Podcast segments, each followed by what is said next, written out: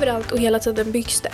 Det vi undrar är vilken roll barn och unga spelar i planeringen av ett nytt bygge, såväl bostadsområde som centrum. Hej och välkommen till Barnsligt enkel demokrati. Jag heter Moa Mogert Palm och jag sitter här med Astrid. Ja, det gör du. Astrid Lindberg. Precis. I dagens avsnitt så ska vi träffa en eh, gäst som eh, jobbar på Stadsbyggnadskontoret. Och vi ska snacka om stadsplanering och hur en stad fungerar. Avsnittet heter En stad för barn. Astrid, hur bor du? Jag bor i ett eh, hus i Bromma, i Mariehäll om man ska vara exakt. En förort i Stockholm. Gränsar till Sundbyberg, Solna. Var bor du någonstans? Jag bor i en eh, lägenhet i Högdalen med min mamma. Och sen så bor jag i ett hus i Bandhagen med min pappa. Som också är två förorter i Stockholm. Som ligger väldigt nära varandra. Men vad bor du i för slags område? mitt område så finns det hus som jag bor i. Det finns eh, lägenheter och det finns eh, radhus. Allt i ett.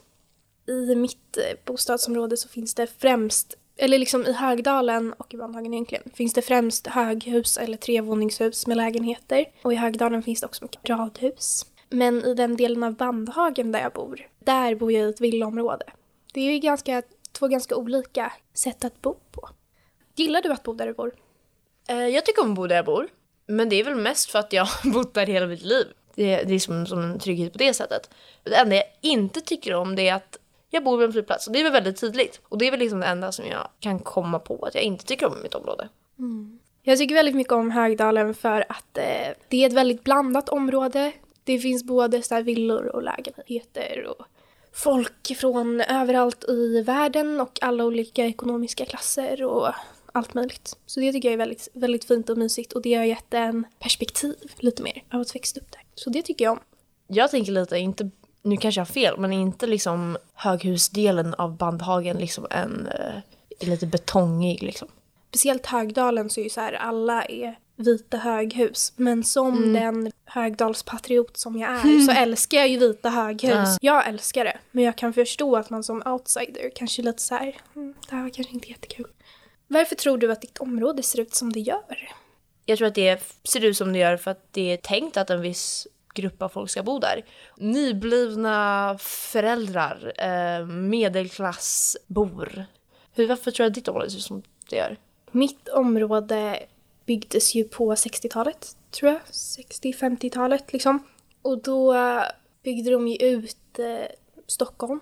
Och då byggdes det för att typ arbetarfamiljer skulle flytta ut utifrån stan. För att man var för många som, som bodde i, i Stockholm så folk fick inte plats. Vilket ju nog är varför som det är så många liksom höghus. Det är väldigt trångbott.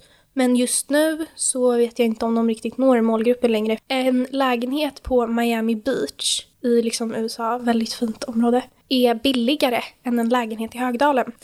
Inte för att det inte ska vara liksom blandat ekonomiskt, men det, att- det gör ju att man kör ut de som bodde där först till ännu längre bort från stan. Ja, men då ska vi väl eh, börja dra oss direkt in på intervjun nu. Yes we should! Yes, yes. Då ses vi snart. Hejdå! Idag har vi med oss Torkel Kjellman som är Stockholms stadsbyggnadsdirektörs stabschef. Eh, Ganska lång titel.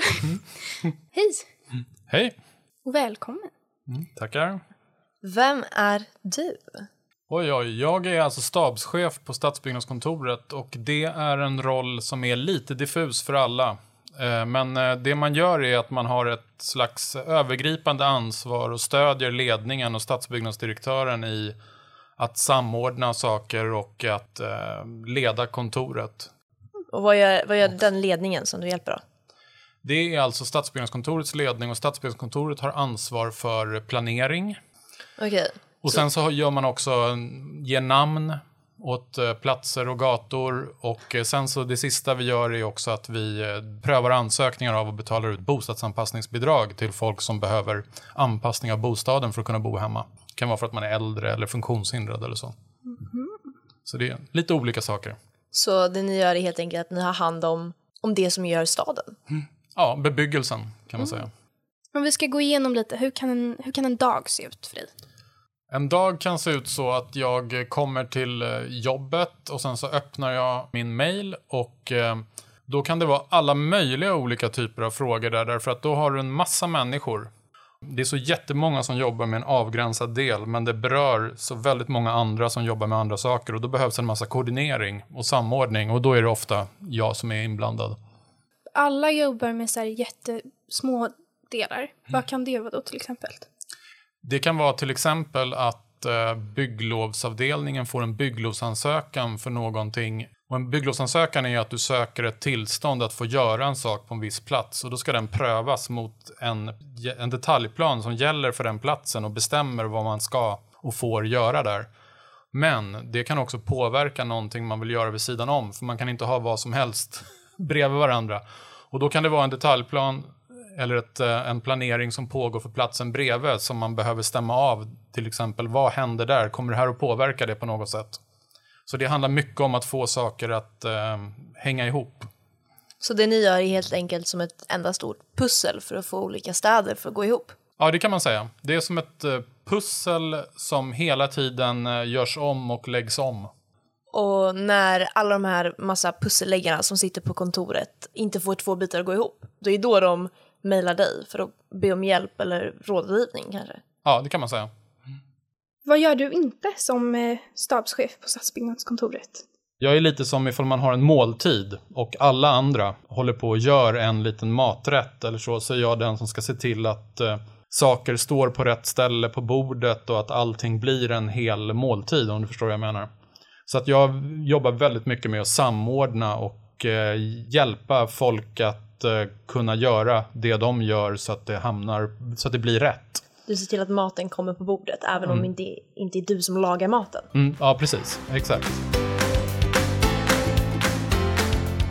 Men vad är det som sker på stadsbyggnadskontoret? Hur påverkar det oss, arbetet som sker där?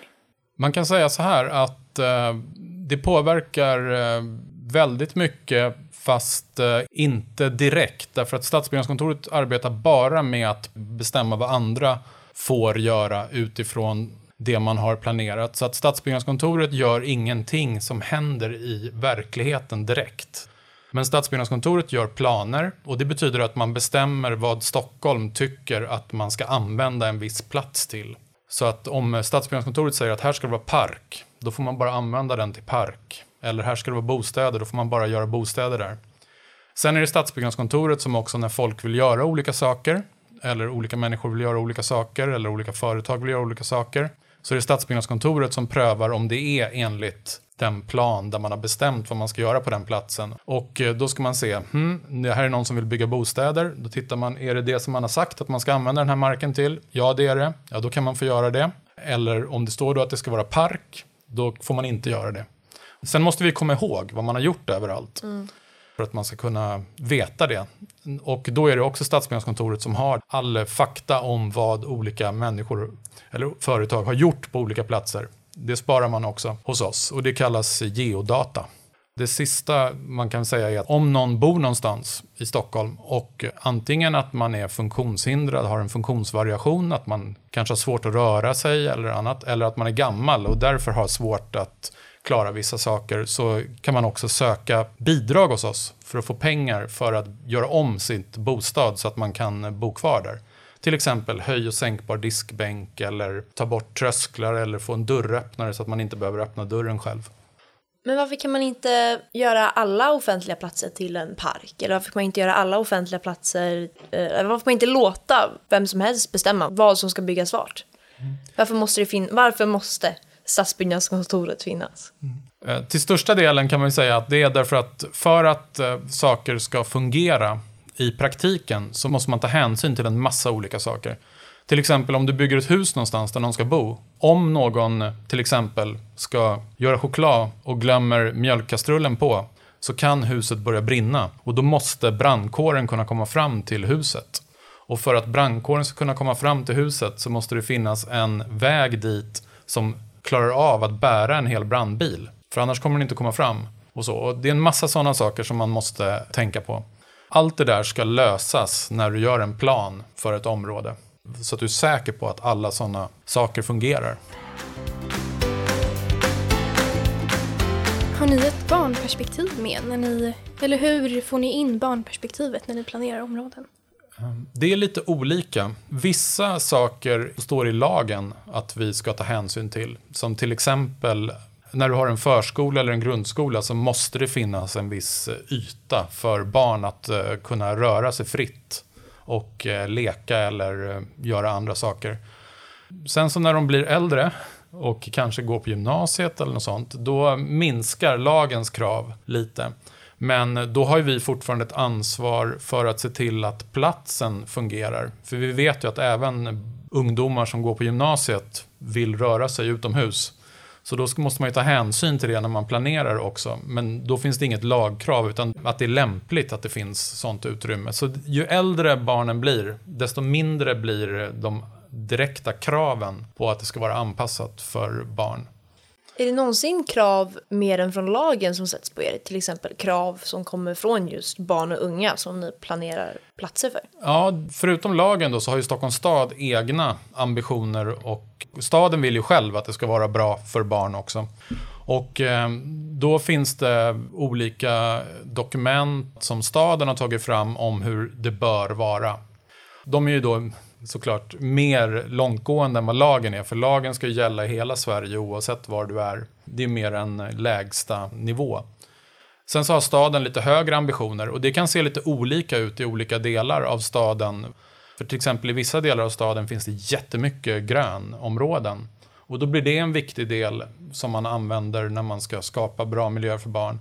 Medan till exempel på Norrmalm i Stockholm så finns det jättelite grönt. Och då är det andra saker man måste göra för att det ska bli bra för barn. Så det måste vara lite olika beroende på hur det ser ut på den platsen där man är eller var man bor. Men är det någonsin önskemål eller klagomål som kommer från, från just barn och inte från liksom någon högre makt som staden och lagen utan det kommer från, från just barn själva? Ja, det finns det. Oftast inte direkt. Mm. Därför att eh, barn eh, ringer sällan till stadsbyggnadskontoret och har åsikter på det sättet. Dels så kommer det från barns föräldrar ganska ofta. Staden har ju också egna verksamheter som riktar sig till barn. Och det är ju till exempel fritidsverksamhet, förskoleverksamhet och annat. Och de har ju daglig kontakt med eh, barn och de är ju ofta de som säger till oss vad som är viktigt för barn. Därför att de har ju en verksamhet som pågår hela tiden och de är ute med barn i det fria, de har gårdar och de har lokaler som ska vara gjorda för barn. Så de säger till oss vad är viktigt när vi gör någonting där barn ska vara. Ser kraven för anpassningen olika ut i olika kommuner? Liksom finns det kommuner där det är mindre anpassat för barn och där det är mer anpassat för barn? Jag vet inte hur mycket du vet liksom, specifikt om andra kommuner. Men... Man kan säga att det ser olika ut i olika kommuner hur man gör det här och hur eh, kommunen tycker att eh, hur det ska vara ordnat för barn. Dels beror det på att kommunerna kanske tänker lite olika. De som arbetar i kommunerna tänker lite olika om det. Men sen beror det också på kommunernas förutsättningar. Hur det ser ut i den kommunen. Hur, hur mycket fria ytor finns det? Hur mycket hus finns det? Hur många är det som bor där? I vissa kommuner så bor det jättefå barn. Till exempel i Stockholm så tycker vi att det ska vara ett visst avstånd till en skola kanske. Men i vissa kommuner så kan det inte finnas en eh, skola nära där barnen bor. Därför att det finns så få barn. Så det finns inte tillräckligt många barn för att ha en skola. Däremot så finns det jättemycket ytor då kanske som barnen kan använda för lek eller idrott eller annat. Och i Stockholm kanske det finns mer ont om ytor. Det beror väldigt mycket på hur det ser ut i just den kommunen. Men den här informationen som ni får från fritidsledare eller fritidsverksamheter och skolor, mm. är det någonting som ni söker efter eller är det någonting som de kommer med förslag eller klagomål till er? Det ingår i vårt arbete att efterfråga det. Så att när vi börjar och planera för ett område, då kan det se väldigt olika ut. För ibland är det ju en planering som är för ett väldigt litet område. Det kanske bara är för ett hus där du ska ändra vad man får använda den marken till. Eller det huset till då, för huset finns ju redan där då. Men ibland så kan det vara ett jättestort område. Och eh, det ingår i våra rutiner och i hur vi arbetar att vi alltid ska fråga stadsdelsnämnden, som är de som har förskoleverksamheten och fritidsverksamheten, vad de tycker. Och då kommer det in i vårt arbete på det sättet och det ska vi göra. Om det är ett större område, då kan vi också till exempel göra en eh, tidig dialog. Och då har vi eh, tagit fram arbetsverktyg för hur vi ska få fram barns synpunkter. Och då kan vi göra en barnkonsekvensanalys där vi redan från början har gått ut och aktivt själva velat få in barns synpunkter direkt. Och då kan det vara till exempel i form av att vi samlar barn och intervjuar dem. Vi har ett redskap som heter Bästa platsen där barn kan säga var de tycker om att vara, var de inte tycker om att vara och varför. Och då kommer det in som en kunskap till oss om vad barn tycker.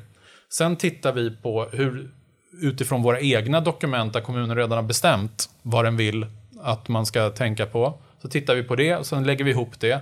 Sen tar vi fram ett förslag på så här tänker vi att vi ska göra. Och eh, sen får en eh, som kan mycket om planering för barn och så utvärdera det och, och göra en konsekvensanalys där de tittar på vad kommer det här förslaget att innebära nu utifrån deras perspektiv. Och sen eh, tar vi fram ett förslag. Men det är ofta när det är större områden där man kanske ska göra stora saker som kan påverka jättemycket. Då är det inte om det är ett litet område som bara handlar om ett hus.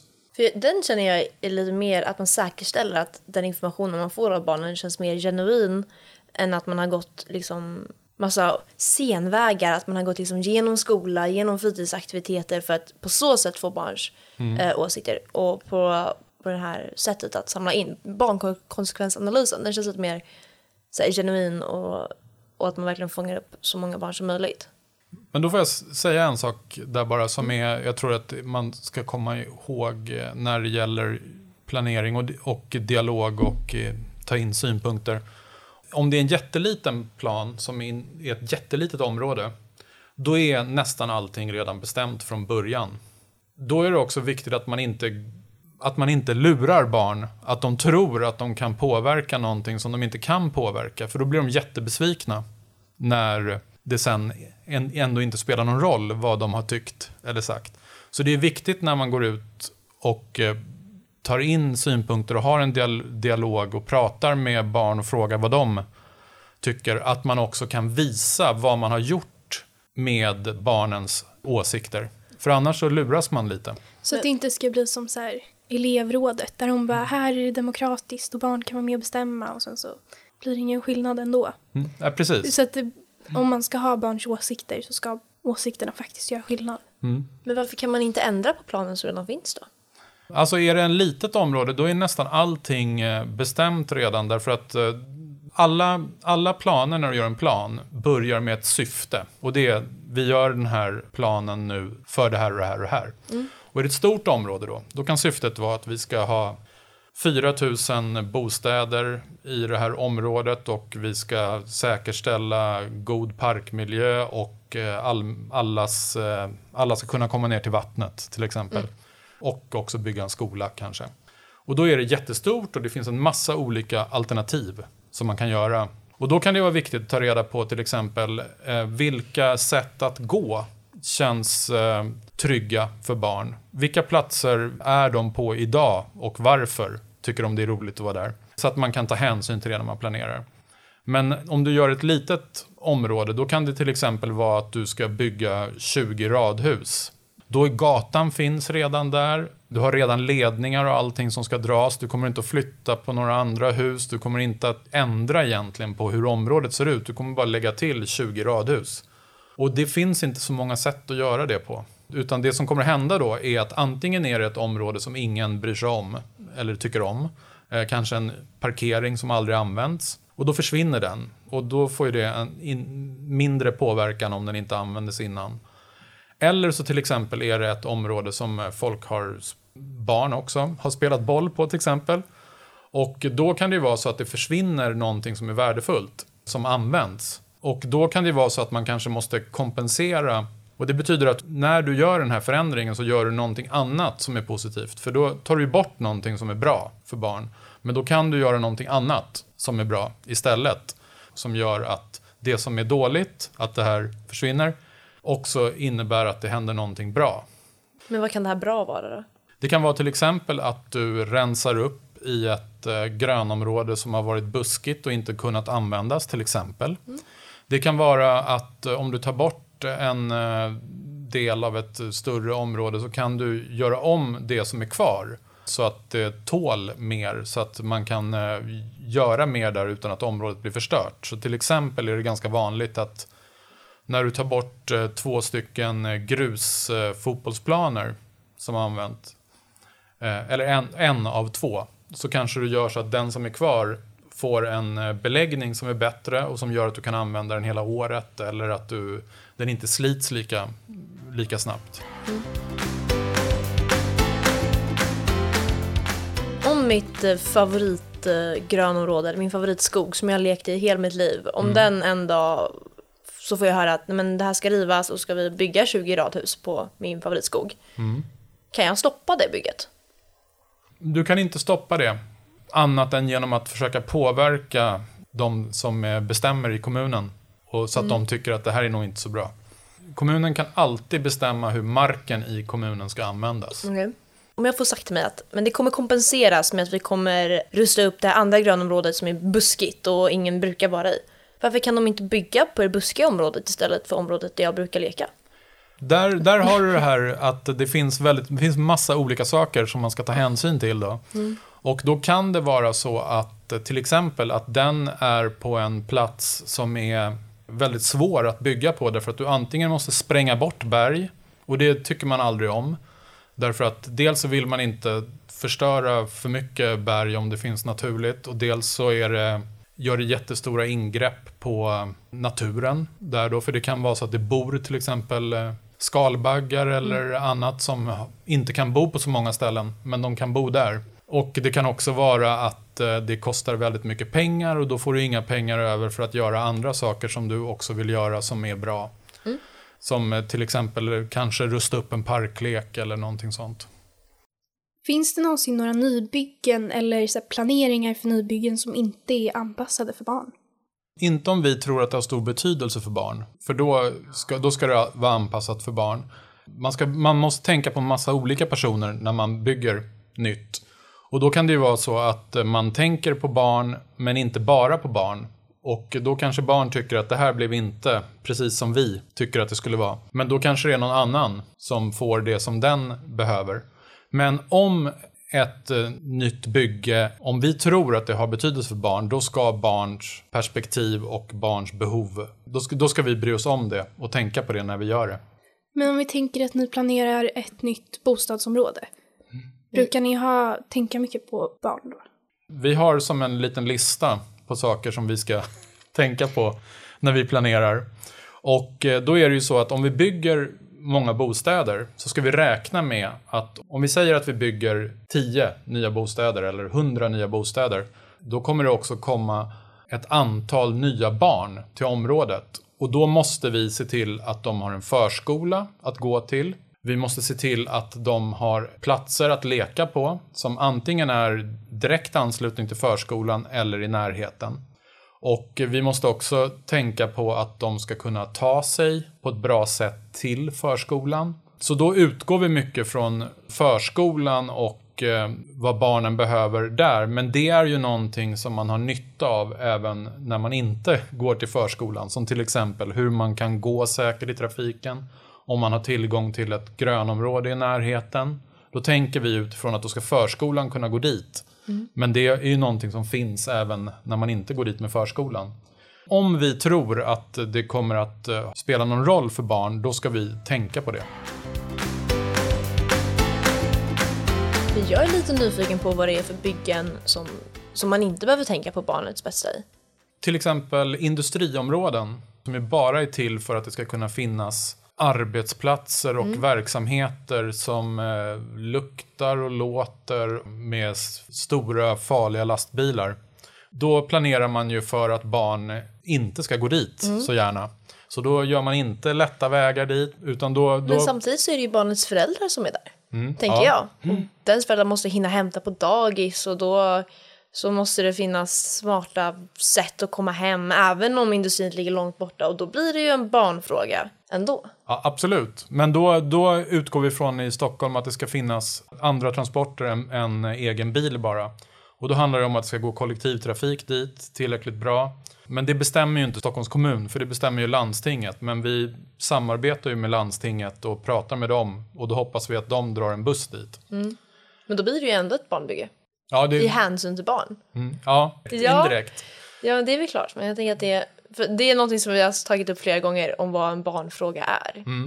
För då har vi kommit fram till att alla, barn, alla frågor är barnfrågor eh, på ett sätt eller annat. Och då tänker jag att då borde ju också alla byggen vara byggen för barn. Ja, men jag tror att en viktig sak när vi tänker på barn, en sak som barn gör annorlunda än vuxna, är ju att vuxna har ju nästan alltid en bestämd idé om vad de ska göra eller varför. Barn behöver ett utrymme för att kunna göra oplanerade saker, kunna leka, kunna skapa sammanhang själv på ett annat sätt än vad vuxna behöver.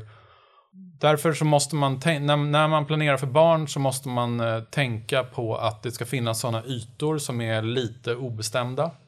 Vägar som man ska röra sig på måste se ut så att barn ska kunna vara fokuserade på varandra och så och inte på omvärlden så mycket för att vara, för att vara trygga och vara säkra och så. Så det blir, lite, det blir lite annorlunda på det sättet. Hur mycket tänker ni på, för du har ju nämnt mycket med det här med att det måste finnas platser för att leka. Hur mycket tänker ni på det här med barns rätt att liksom ha kul och leka och springa runt? Det är det som är utgångspunkten när vi eh, tänker utifrån barns behov när vi planerar. Det som är svårt i Stockholm är att Stockholm är sån liten yta i förhållande till hur många människor som finns här.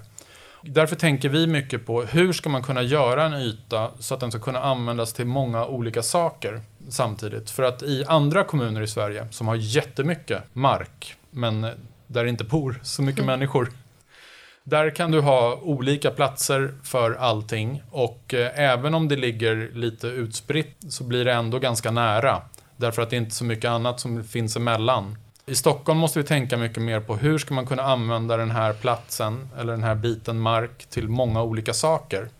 Och då blir det ju ofta så att en sak som används av vissa på kvällen kanske, eller natten, kan användas av andra på dagen. Och eh, man måste tänka på hur ska den här kunna användas av olika människor vid olika tider till olika saker. Så det, vi måste vara mycket finurligare än vad man behöver vara på andra platser.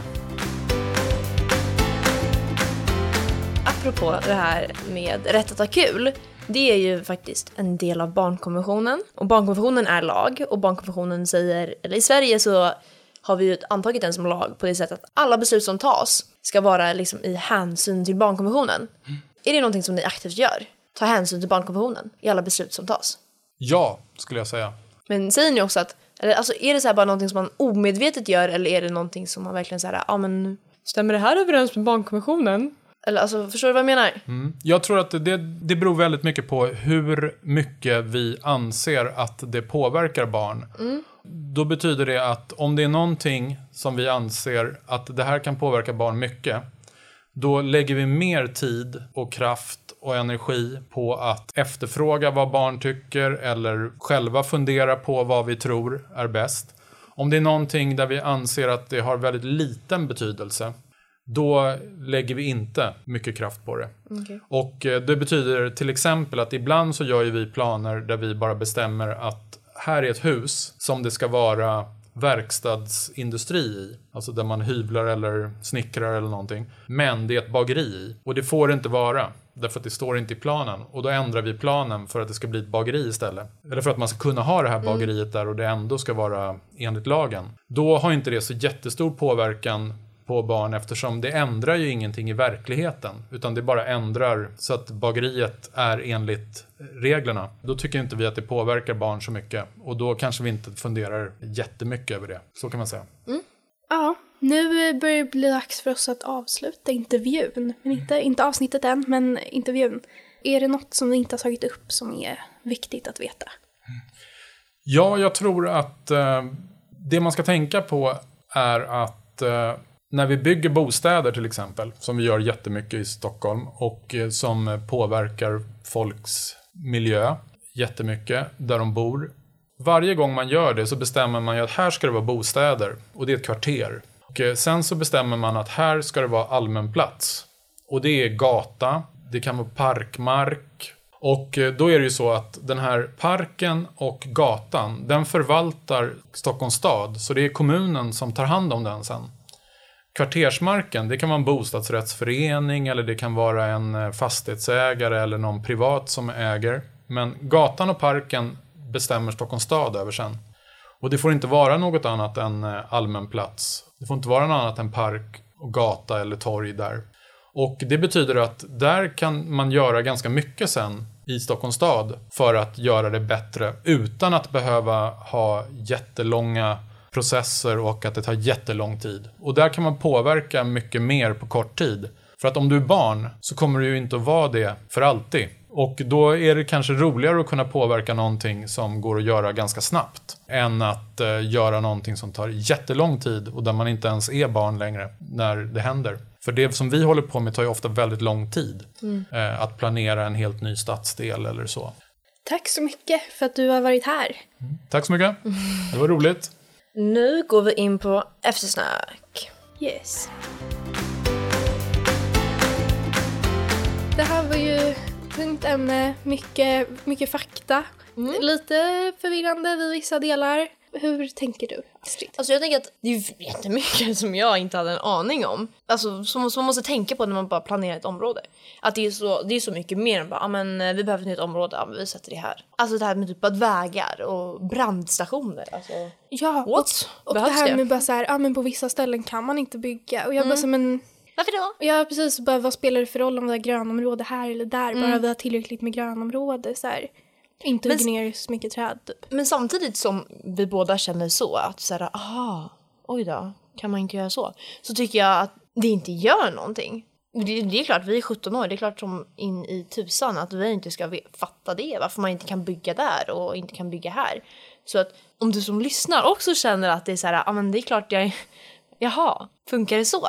Det är inte något dåligt, jag tycker bara att det är bra. Och att det är bra att vi, alltså vi satt ju fortfarande och ställde frågor när vi inte fattar. Och jag tycker bara att det är någonting som blir så sjukt tydligt att ställ frågor när du inte fattar. Och om någon blir sur eller tycker att du är dum för att du ställer frågor, well that's their problem. Ja, That's man kan, ju inte, yours. man kan inte lära sig om man inte frågar om det man inte vet. Nej, det är ju så man lär sig. Liksom. Ja, jag tycker alltid att det är mycket bättre att man testar och frågar än att, liksom, att man ska gå därifrån olärd.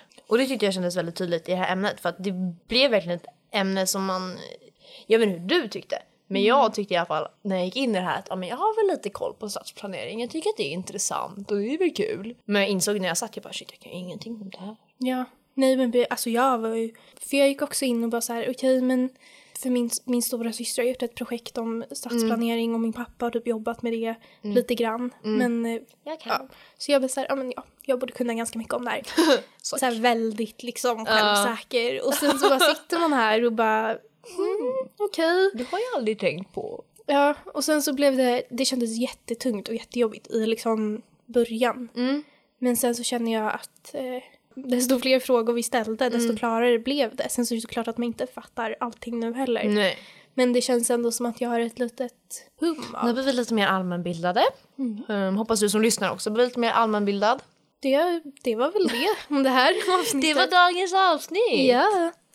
Tack så mycket för att du har lyssnat. Och som vanligt, om du vill veta mer om eh, demokrati och hur du kan påverka så kan du gå in på demokratiklubb.se. Tack så mycket för oss. Hej då!